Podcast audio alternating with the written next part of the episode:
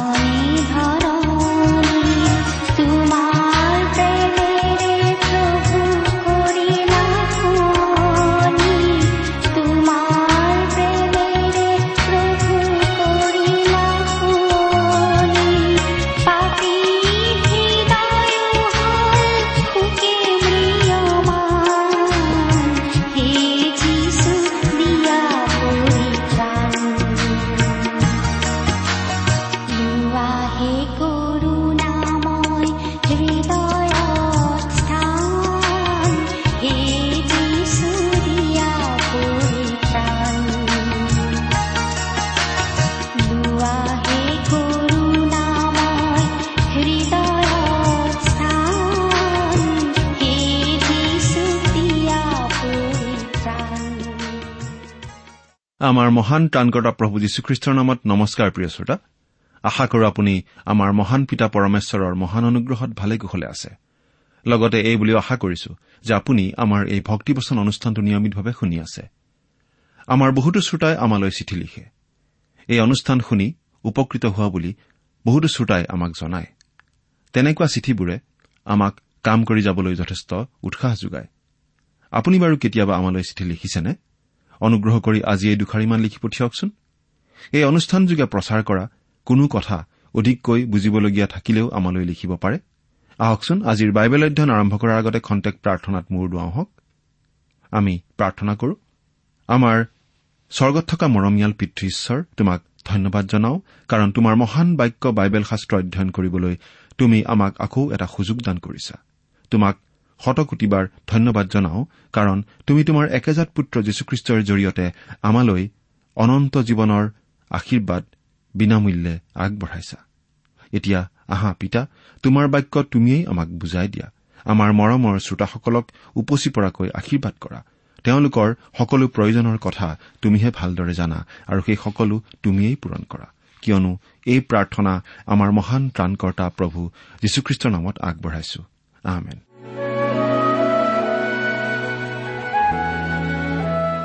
প্ৰিয় শ্ৰোতা আপুনি যদি আমাৰ এই ভক্তিপচন অনুষ্ঠানটো নিয়মিতভাৱে শুনি আহিছে তেতিয়াহ'লে আপুনি নিশ্চয় জানে যে আমি আজি কিছুদিনৰ পৰা বাইবেলৰ নতুন নিয়ম খণ্ডৰ ফিলিপিয়াবিলাকৰ প্ৰতি পত্ৰ নামৰ পুস্তকখন অধ্যয়ন কৰি আছো।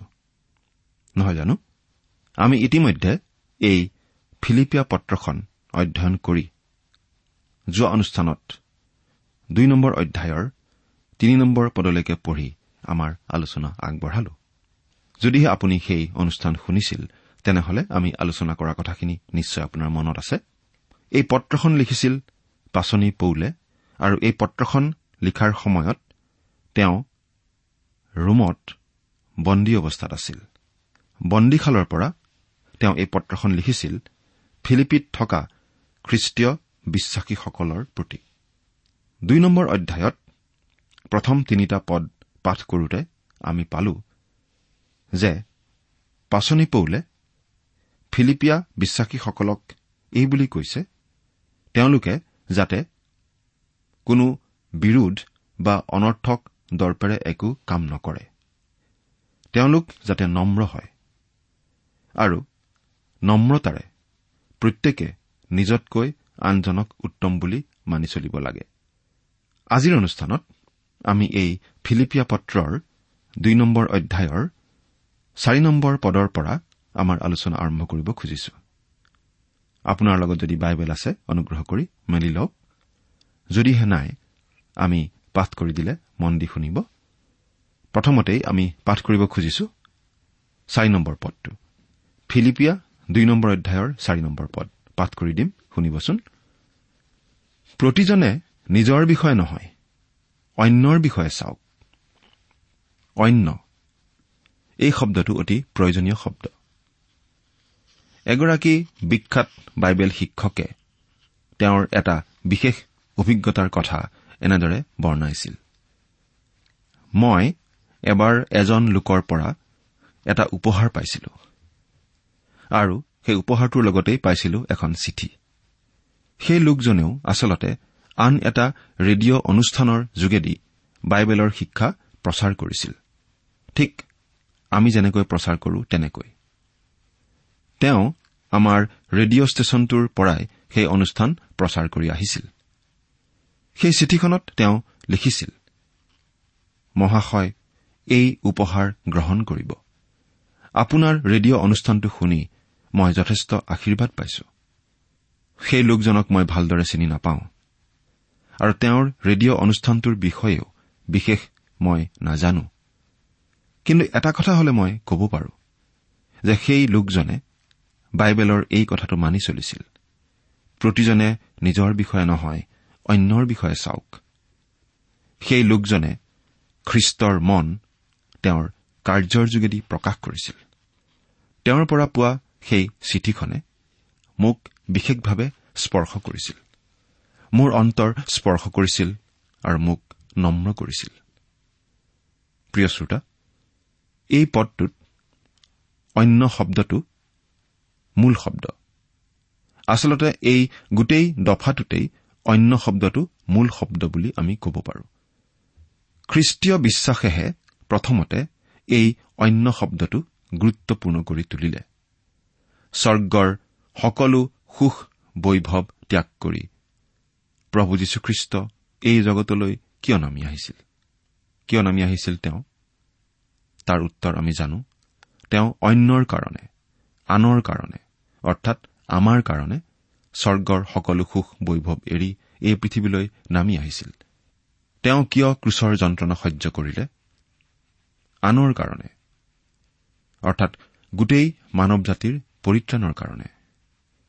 গোটেই মানৱ জাতিৰ পাপৰ শাস্তি তেওঁ নিজৰ গাত ললে আৰু ক্ৰুচৰ সেই যন্ত্ৰণা সহ্য কৰিলে।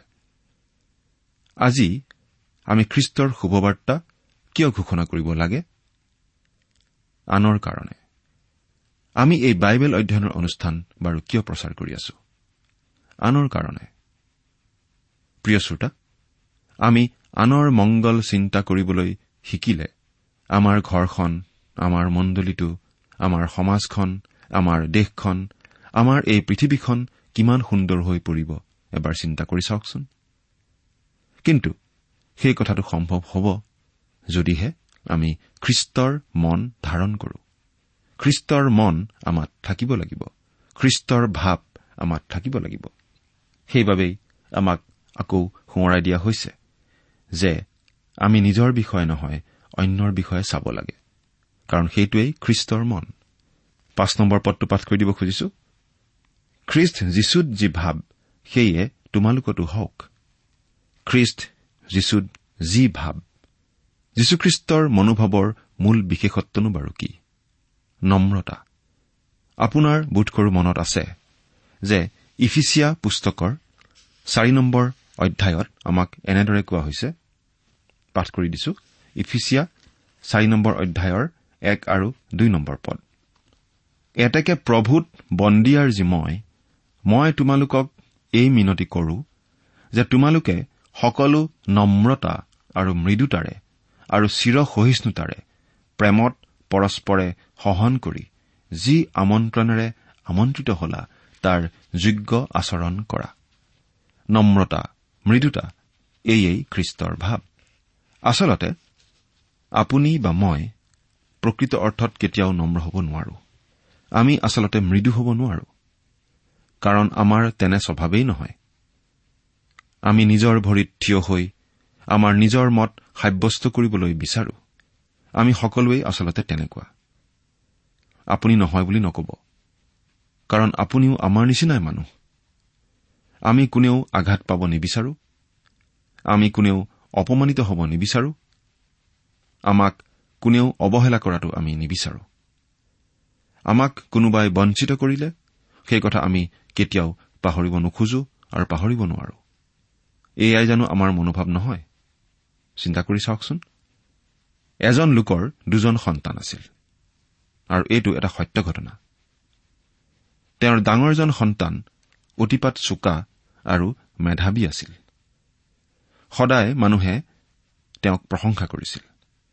কিন্তু সৰু সন্তানজনে ডাঙৰ ককায়েকৰ প্ৰশংসা শুনি শুনি আমনি পাইছিল। আৰু তেওঁ বিদ্ৰোহী হৈ উঠিছিল। অৱশেষত সি ঘৰ বাৰী এৰি উটনোৱা হৈ ৰাস্তাই ঘাটে উদ্ভণ্ডালি কৰি ফুৰা ডেকা হৈ পৰিছিল। স্বাভাৱিক মানুহৰ স্বাভাৱিক প্ৰতিক্ৰিয়া এনেকুৱাই হয়। সেই সন্তানজনক আমি যদি কওঁ বোপা সকলো কথা পাহৰি যোৱা তুমিও ভাল হোৱা। তেতিয়াও একো লাভ নহ'ব। তেওঁ পাহৰিব নোৱাৰিব। খ্ৰীষ্টক ত্ৰাণকৰ্তা বুলি গ্ৰহণ কৰি নতুন জন্ম লাভ নকৰালৈকে মানুহে প্ৰকৃত নম্ৰতাৰ খোজ ল'ব নোৱাৰে। এতিয়া আমি এটা অলপ বিতৰ্কমূলক তাত্বিক বিষয় পাম। কোনো কোনো লোকে এই পদটোক খ্ৰীষ্ট সম্বন্ধে শাস্ত্ৰত থকা অতি গুৰুত্বপূৰ্ণ পদ বুলি ক'ব খোজে। ইয়াক গ্ৰীক ভাষাত কেনচিছ বুলি কোৱা হয়। কেনচিছ অৰ্থাৎ শূন্য কৰা। এতিয়া আমি এই শাস্ত্ৰাংশ অধ্যয়ন কৰোতে এটা কথা বুজি পাম যে খ্ৰীষ্টই নিজকে শূন্য কৰোতে নিজৰ ঈশ্বৰত্ব ত্যাগ কৰা নাছিল। ইয়াতেই আমি পাম খ্ৰীষ্টৰ নম্ৰতাৰ সাতটা খোজৰ কথা। আমি পঢ়িবলৈ লোৱা পৰৱৰ্তী শাস্ত্ৰপদ কেইটাত ইমান গুৰুত্বপূৰ্ণ কথা কোৱা হৈছে যে কথাখিনিৰ সাৰমৰ্ম যদি আমি ছবি আঁকি বুজাই দিব পাৰিলোহেঁতেন নিশ্চয় খুব ভাল লাগিলহেঁতেন। খ্ৰীষ্ট কিমান উচ্চ আছিল আৰু নম্ৰ হৈ তেওঁ কিমান নিম্ন হৈ এই পৃথিৱীলৈ আহিল সেই কথা আমি সকলোৱে সম্পূৰ্ণৰূপে বুজি পোৱা হলে কিমান ভাল লাগিলহেঁতেন? খ্ৰীষ্ট স্বয়ং ঈশ্বৰ। কিন্তু মানৱৰ উদ্ধাৰৰ কাৰণে তেওঁ পৃথিৱীলৈ আহিছিল। তেওঁ নামি আহিছিল সাতটা খোজ তেওঁ লৈছিল নিম্নমুখে তাৰ পাছত আমি দেখিবলৈ পাম সাতটা ঊৰ্ধমুখী খোজ খ্ৰীষ্টৰ গৌৰৱ আৰু মহিমা প্ৰকাশ কৰা ঊৰ্ধমুখী খোজ। প্ৰথমটো হৈছে খ্ৰীষ্টৰ ভাৱ নিম্নমুখী নম্ৰতাৰ ভাৱ। আৰু দ্বিতীয়টো হৈছে পিতৃ ঈশ্বৰৰ ভাৱ ঊৰ্ধমুখী অৰ্থাৎ খ্ৰীষ্টক সৰ্বোচ্চ মান মৰ্যাদা দি গৌৰৱৰ মুকুট পিন্ধোৱা ভাৱ। খ্ৰীষ্টীয় বিশ্বাসী হিচাপে আমি এটা কথা অতি মন দি শুনা উচিত।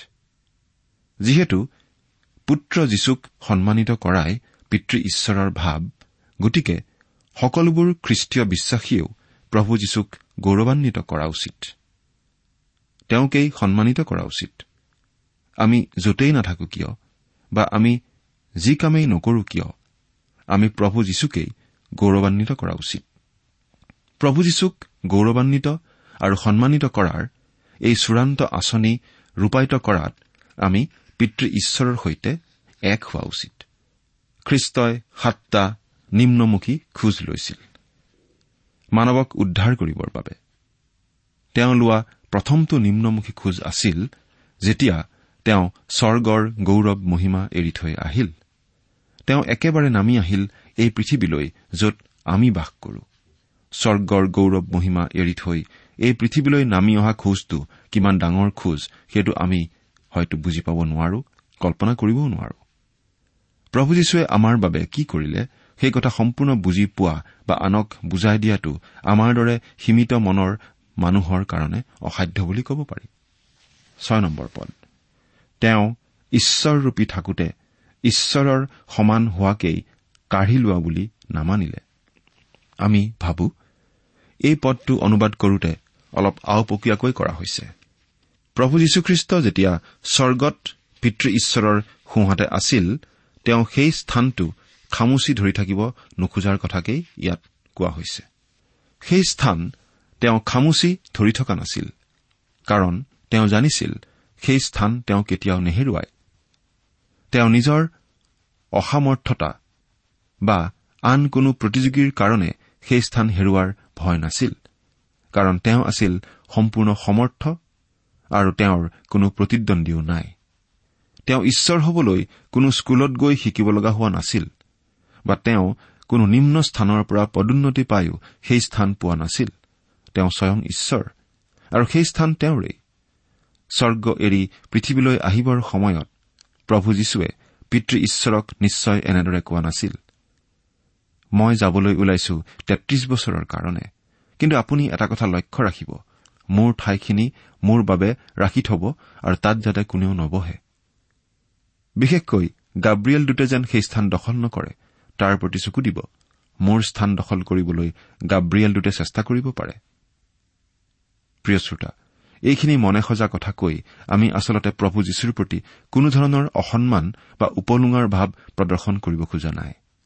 আমি কেৱল এই কথাটোহে বুজাব খুজিছো যে প্ৰভু যীশুৱে তেওঁৰ স্বৰ্গৰ স্থান স্বৰ্গৰ পদবী এৰি অহাৰ সময়ত এনেদৰে কব লগা বা চিন্তা কৰিব লগা হোৱা নাছিল। সেই স্থান সেই পদবী তেওঁ খামুচি ধৰি থকা নাছিল কাৰণ সেই স্থান আছিল তেওঁৰেই। তেওঁ স্বয়ং ঈশ্বৰ। প্ৰভু যীশুৱে অনিচ্ছাৰ ভাৱেৰে স্বৰ্গ এৰিব লগা হোৱা নাছিল। তেওঁ স্বৰ্গ এৰি আহিব লগা হোৱাত এই বুলি কোৱা নাছিল মোৰ স্বৰ্গ এৰি যাবলৈ অলপো মন নাই। এই বিশেষ ভ্ৰমণসূচীটো মোৰ ভাল লগা নাই। নাই প্ৰিয় শ্ৰোতা প্ৰভু যীশুৱে তেনেদৰে ভবা নাছিল তেওঁ তেনেদৰে কোৱা নাছিল। তেওঁ আহিছিল স্ব ইচ্ছাই খোলা মনেৰে আনন্দ মনেৰে। তেওঁৰ আগত থকা আনন্দৰ নিমিত্তে তেওঁ আহিছিল। এই কথা আমি পাওঁ ইব্ৰী পুস্তকৰ বাৰ নম্বৰ অধ্যায়ৰ দুই নম্বৰ পদত। তেওঁ আহিছিল ক্ৰুচৰ যন্ত্ৰণা সহ্য কৰিছিল। তেওঁ কৈছিল চোৱা মই আহিলো। পুস্তকখনত মোৰ বিষয়ে এনে লিখা আছে হে ঈশ্বৰ মই তোমাৰ ইচ্ছা পালন কৰিবলৈ আহিলো। ইব্ৰী দহ নম্বৰ অধ্যায়ৰ সাত নম্বৰ পদ। প্ৰভু যীশু এই জগতলৈ আহিছিল আনন্দেৰে। স্বৰ্গৰ স্থান তেওঁ খামুচি ধৰি থকা নাছিল। এতিয়া আমি চাম প্ৰভু যীশুৱে লোৱা দ্বিতীয়টো নিম্নমুখী খোজ। পদ। তেওঁ নিজকে শূন্য কৰি দাসৰ ৰূপ ধাৰণ কৰি মানুহৰ নিচিনা হ'ল। নিজকে তেওঁ শূন্য কৰিলে। শূন্য কৰাৰ মূল গ্ৰীক শব্দটো হৈছে কেনু। আৰু এই শব্দটোৰ পৰাই কেনচিছ তত্বটো ওলাইছে। খ্ৰীষ্টই নিজকে শূন্য কৰাৰ ওপৰত প্ৰতিষ্ঠিত এই তত্ব খ্ৰীষ্টই নিজকে শূন্য কৰিছিল অৰ্থাৎ খালী কৰিছিল। এতিয়া প্ৰশ্ন হ'ল খ্ৰীষ্টই কিহৰ পৰা নিজকে শূন্য কৰিছিল? আমি জানো পাত্ৰ এটা শূন্য কৰা মানে পাত্ৰত থকা বস্তুখিনি বাকী দিয়া। তেন্তে খ্ৰীষ্টইনো কিহৰ পৰা নিজকে শূন্য কৰিছিল? এইটো এটা গুৰুত্বপূৰ্ণ প্ৰশ্ন। কোনো কোনো লোকে ক'ব খোজে যে খ্ৰীষ্টই নিজকে ঈশ্বৰত্বৰ পৰা শূন্য কৰিছিল। এনেকুৱা এদল লোক ওলাইছিল আৰু তেওঁলোকক গ্নষ্টিক্স বুলি জনা যায়। তেওঁলোকে কৈছিল যে খ্ৰীষ্টই ঈশ্বৰত্ব ত্যাগ কৰি আহিছিল। তেওঁ বাপ্তিস্ম লোৱাৰ সময়ত সেই ঈশ্বৰত্ব তেওঁ পাইছিল আৰু ক্ৰুচত মৃত্যুবৰণ কৰাৰ সময়ত সেই ঈশ্বৰত্ব আকৌ হেৰুৱাইছিল। এই বুলি তেওঁলোকে ক'ব খোজে। কিন্তু প্ৰিয় শ্ৰোতা এই মতবাদটো আমি মানি ল'ব নোৱাৰো। কাৰণ ঈশ্বৰৰ বাক্য বাইবেলত আমি ইয়াৰ সমৰ্থনত একো কথা নাপাওঁ। তেওঁ নিজকে কিবা এটাৰ পৰা শূন্য কৰিছিল ঠিকেই। কিন্তু তেওঁ ঈশ্বৰত্বৰ পৰা নিজক শূন্য কৰা নাছিল।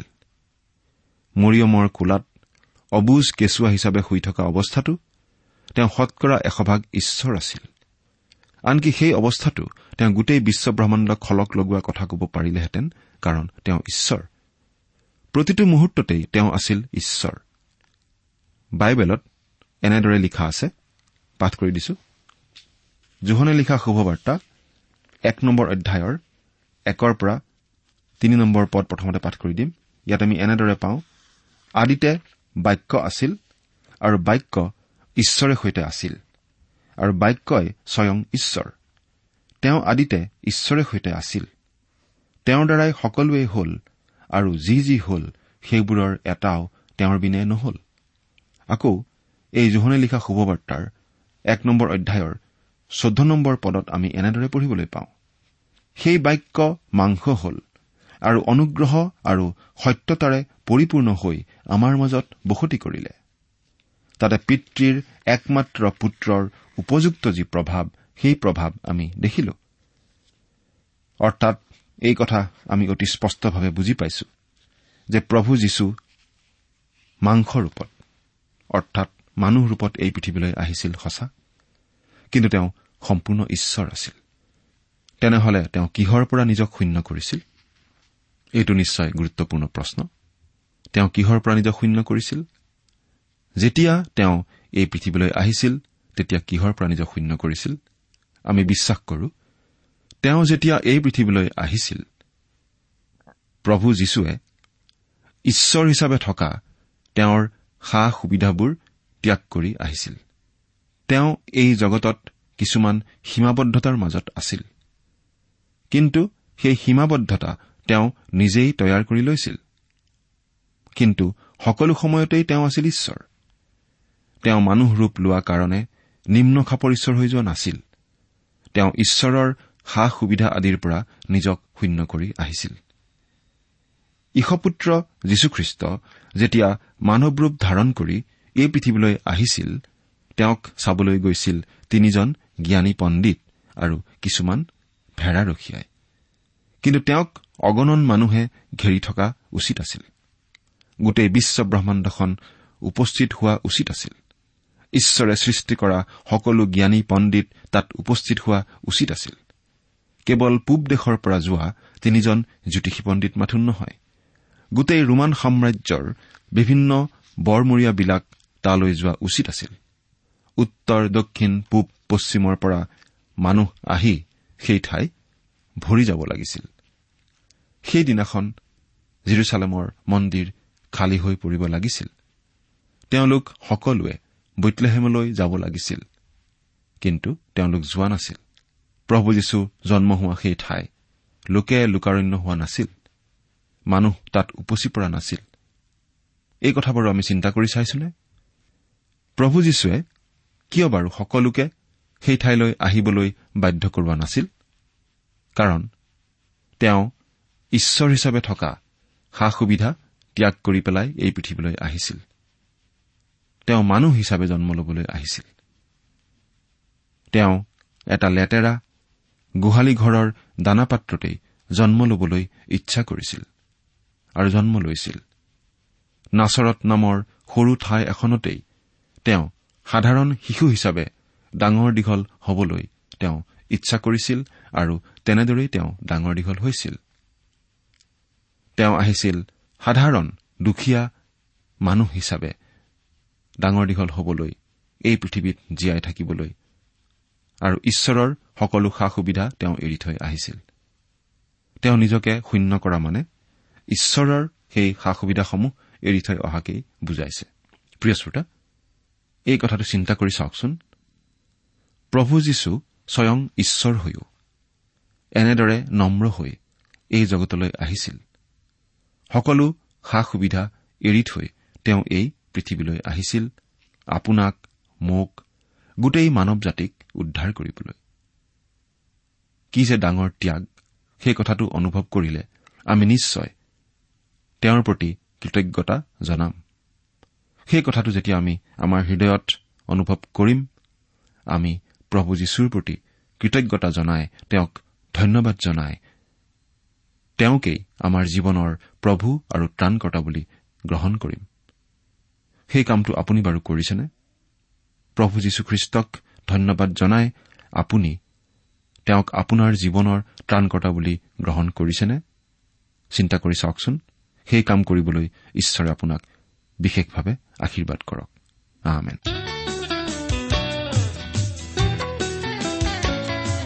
প্ৰিয় শ্ৰোতা ইমান পৰে আপুনি বাইবেল শাস্ত্ৰৰ পৰা ঈশ্বৰৰ বাক্য শুনিলে। এই বিষয়ে আপোনাৰ মতামত জানিবলৈ পালে আমি নথৈ আনন্দিত হ'ম। আমি প্ৰস্তুত কৰা বাইবেল অধ্যয়নৰ চিডিসমূহ পাব বিচাৰিলে আৰু অনুষ্ঠানত প্ৰচাৰ কৰা কোনো কথা বুজিব লগা থাকিলেও আমালৈ লিখক। আমাৰ যোগাযোগৰ ঠিকনা ভক্তিবচন ট্ৰান্সৱৰ্ল্ড ৰেডিঅ' ইণ্ডিয়া ডাক বাকচ নম্বৰ সাত শূন্য গুৱাহাটী সাত আঠ এক শূন্য শূন্য এক। তোমাৰ কাষলে আহিছো পিতা আজি মোক জিৰণি দিয়া। তোমাৰ কৰোণা মাগিছো পিতা ঠিকনাটো আকৌ এবাৰ কৈছো ভক্তি বচন ট্ৰান্স ৱৰ্ল্ড ৰেডিঅ' ইণ্ডিয়া ডাক বাকচ নম্বৰ সাত শূন্য গুৱাহাটী সাত আঠ এক শূন্য শূন্য এক।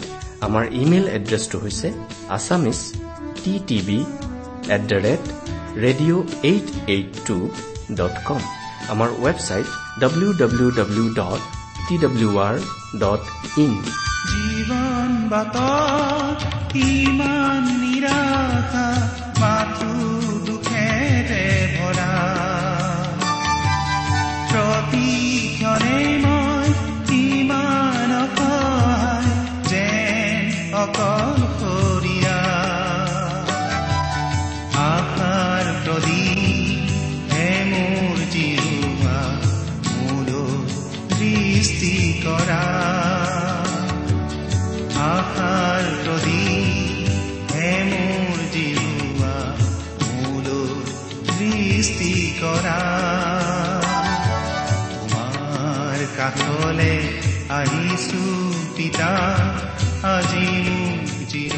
আপুনি টেলিফোনৰ মাধ্যমেৰেও আমাক যোগাযোগ কৰিব পাৰে।